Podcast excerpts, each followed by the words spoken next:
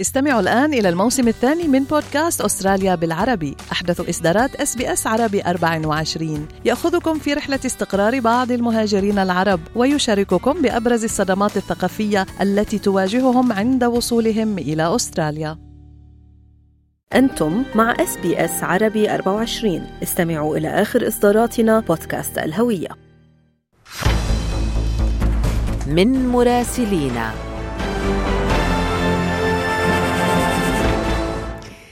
أهلا بكم مستمعينا الكرام في رسالتنا الأسبوعية من العاصمة بيروت. أنا بترا طوق الهندي. وأنا فارس حسن ويسعدنا أن ينضم إلينا من هناك على الهواء مباشرة مراسلنا أنطوان سلامة.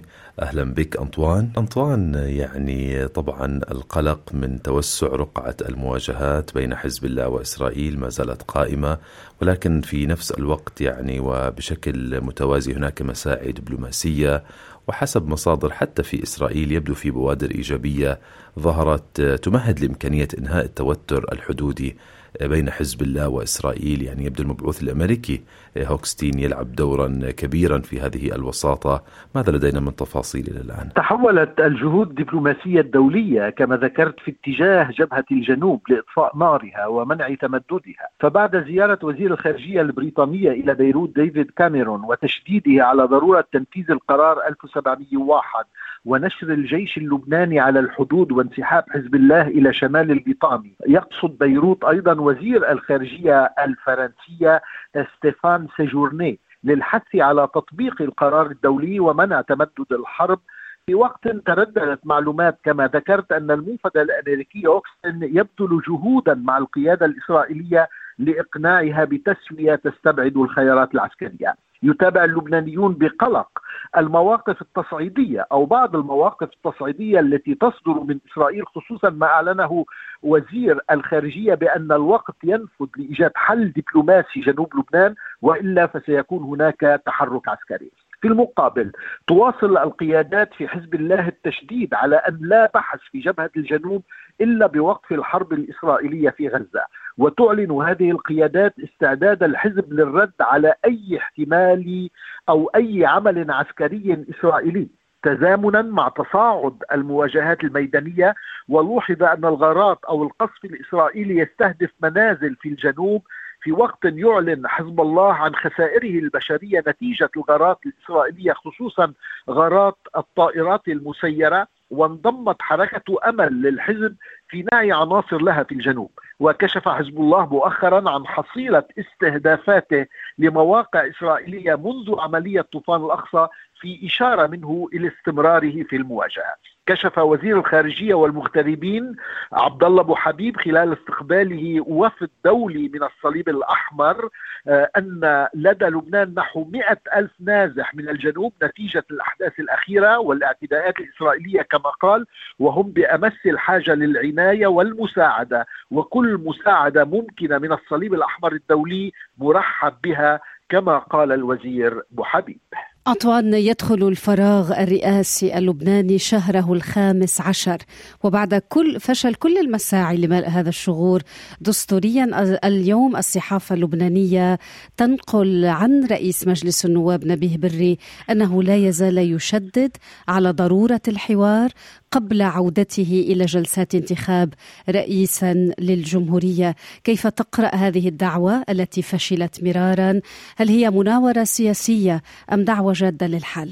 هذا ما تنقلته وسائل الإعلام المحلية من أن الرئيس بري لا يزال يتمسك بدعوته للحوار كمقدمة لانعقاد جلسة انتخاب نيابية. وهذا يدعو للتشاؤم إذا صح التعبير في هذا الملف خصوصا أن رئيس حزب القوات اللبنانية سمير جعجع اعتبر أن دعوة بري محاولة لغر الرماد العيون لا دعوة جدية على الإطلاق والحوار الجدي بما يتعلق بملف الرئاسة يتم في الغرف المغلقة.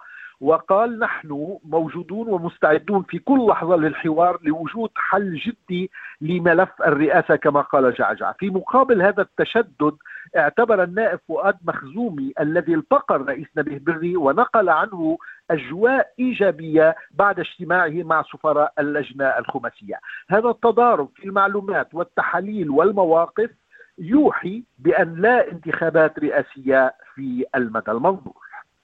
نعم أنطوان دعنا ننتقل إلى الصعيد الاقتصادي حيث هناك على ما يبدو تعميم من مصرف لبنان آه، عن تسديد 150 دولار شهريا للمودعين طبعا هذا الموضوع أثار حفيظة المودعين وخوف على مصير الودائع في المصارف ماذا لدينا من تفاصيل؟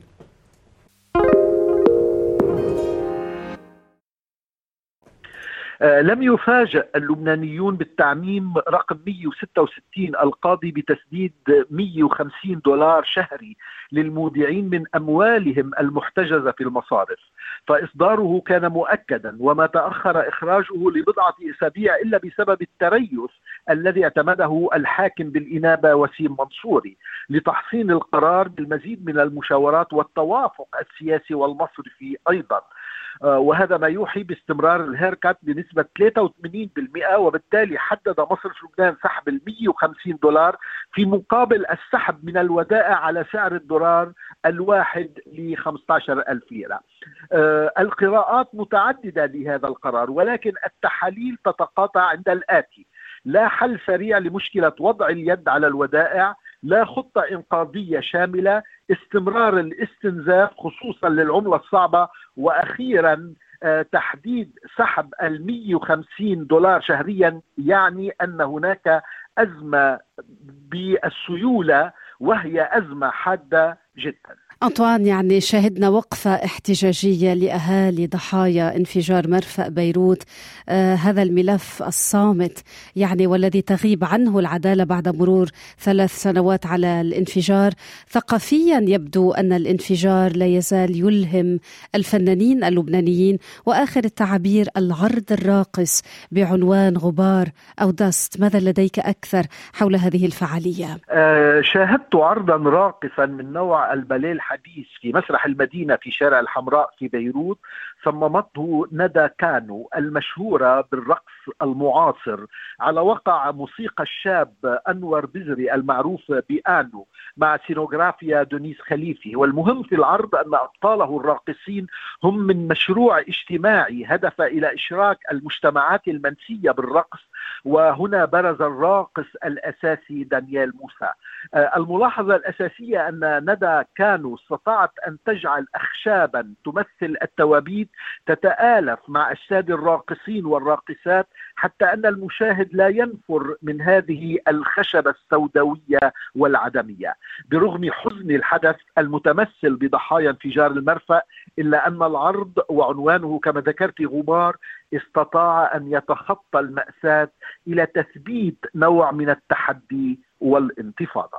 كان هذا مراسلنا في العاصمة اللبنانية بيروت أنطوان سلامة. شكرا جزيلا لك على هذه الرسالة المفصلة وما تنسوا تتابعوا هذا التقرير وتقارير سابقة على إس بي إس audio app.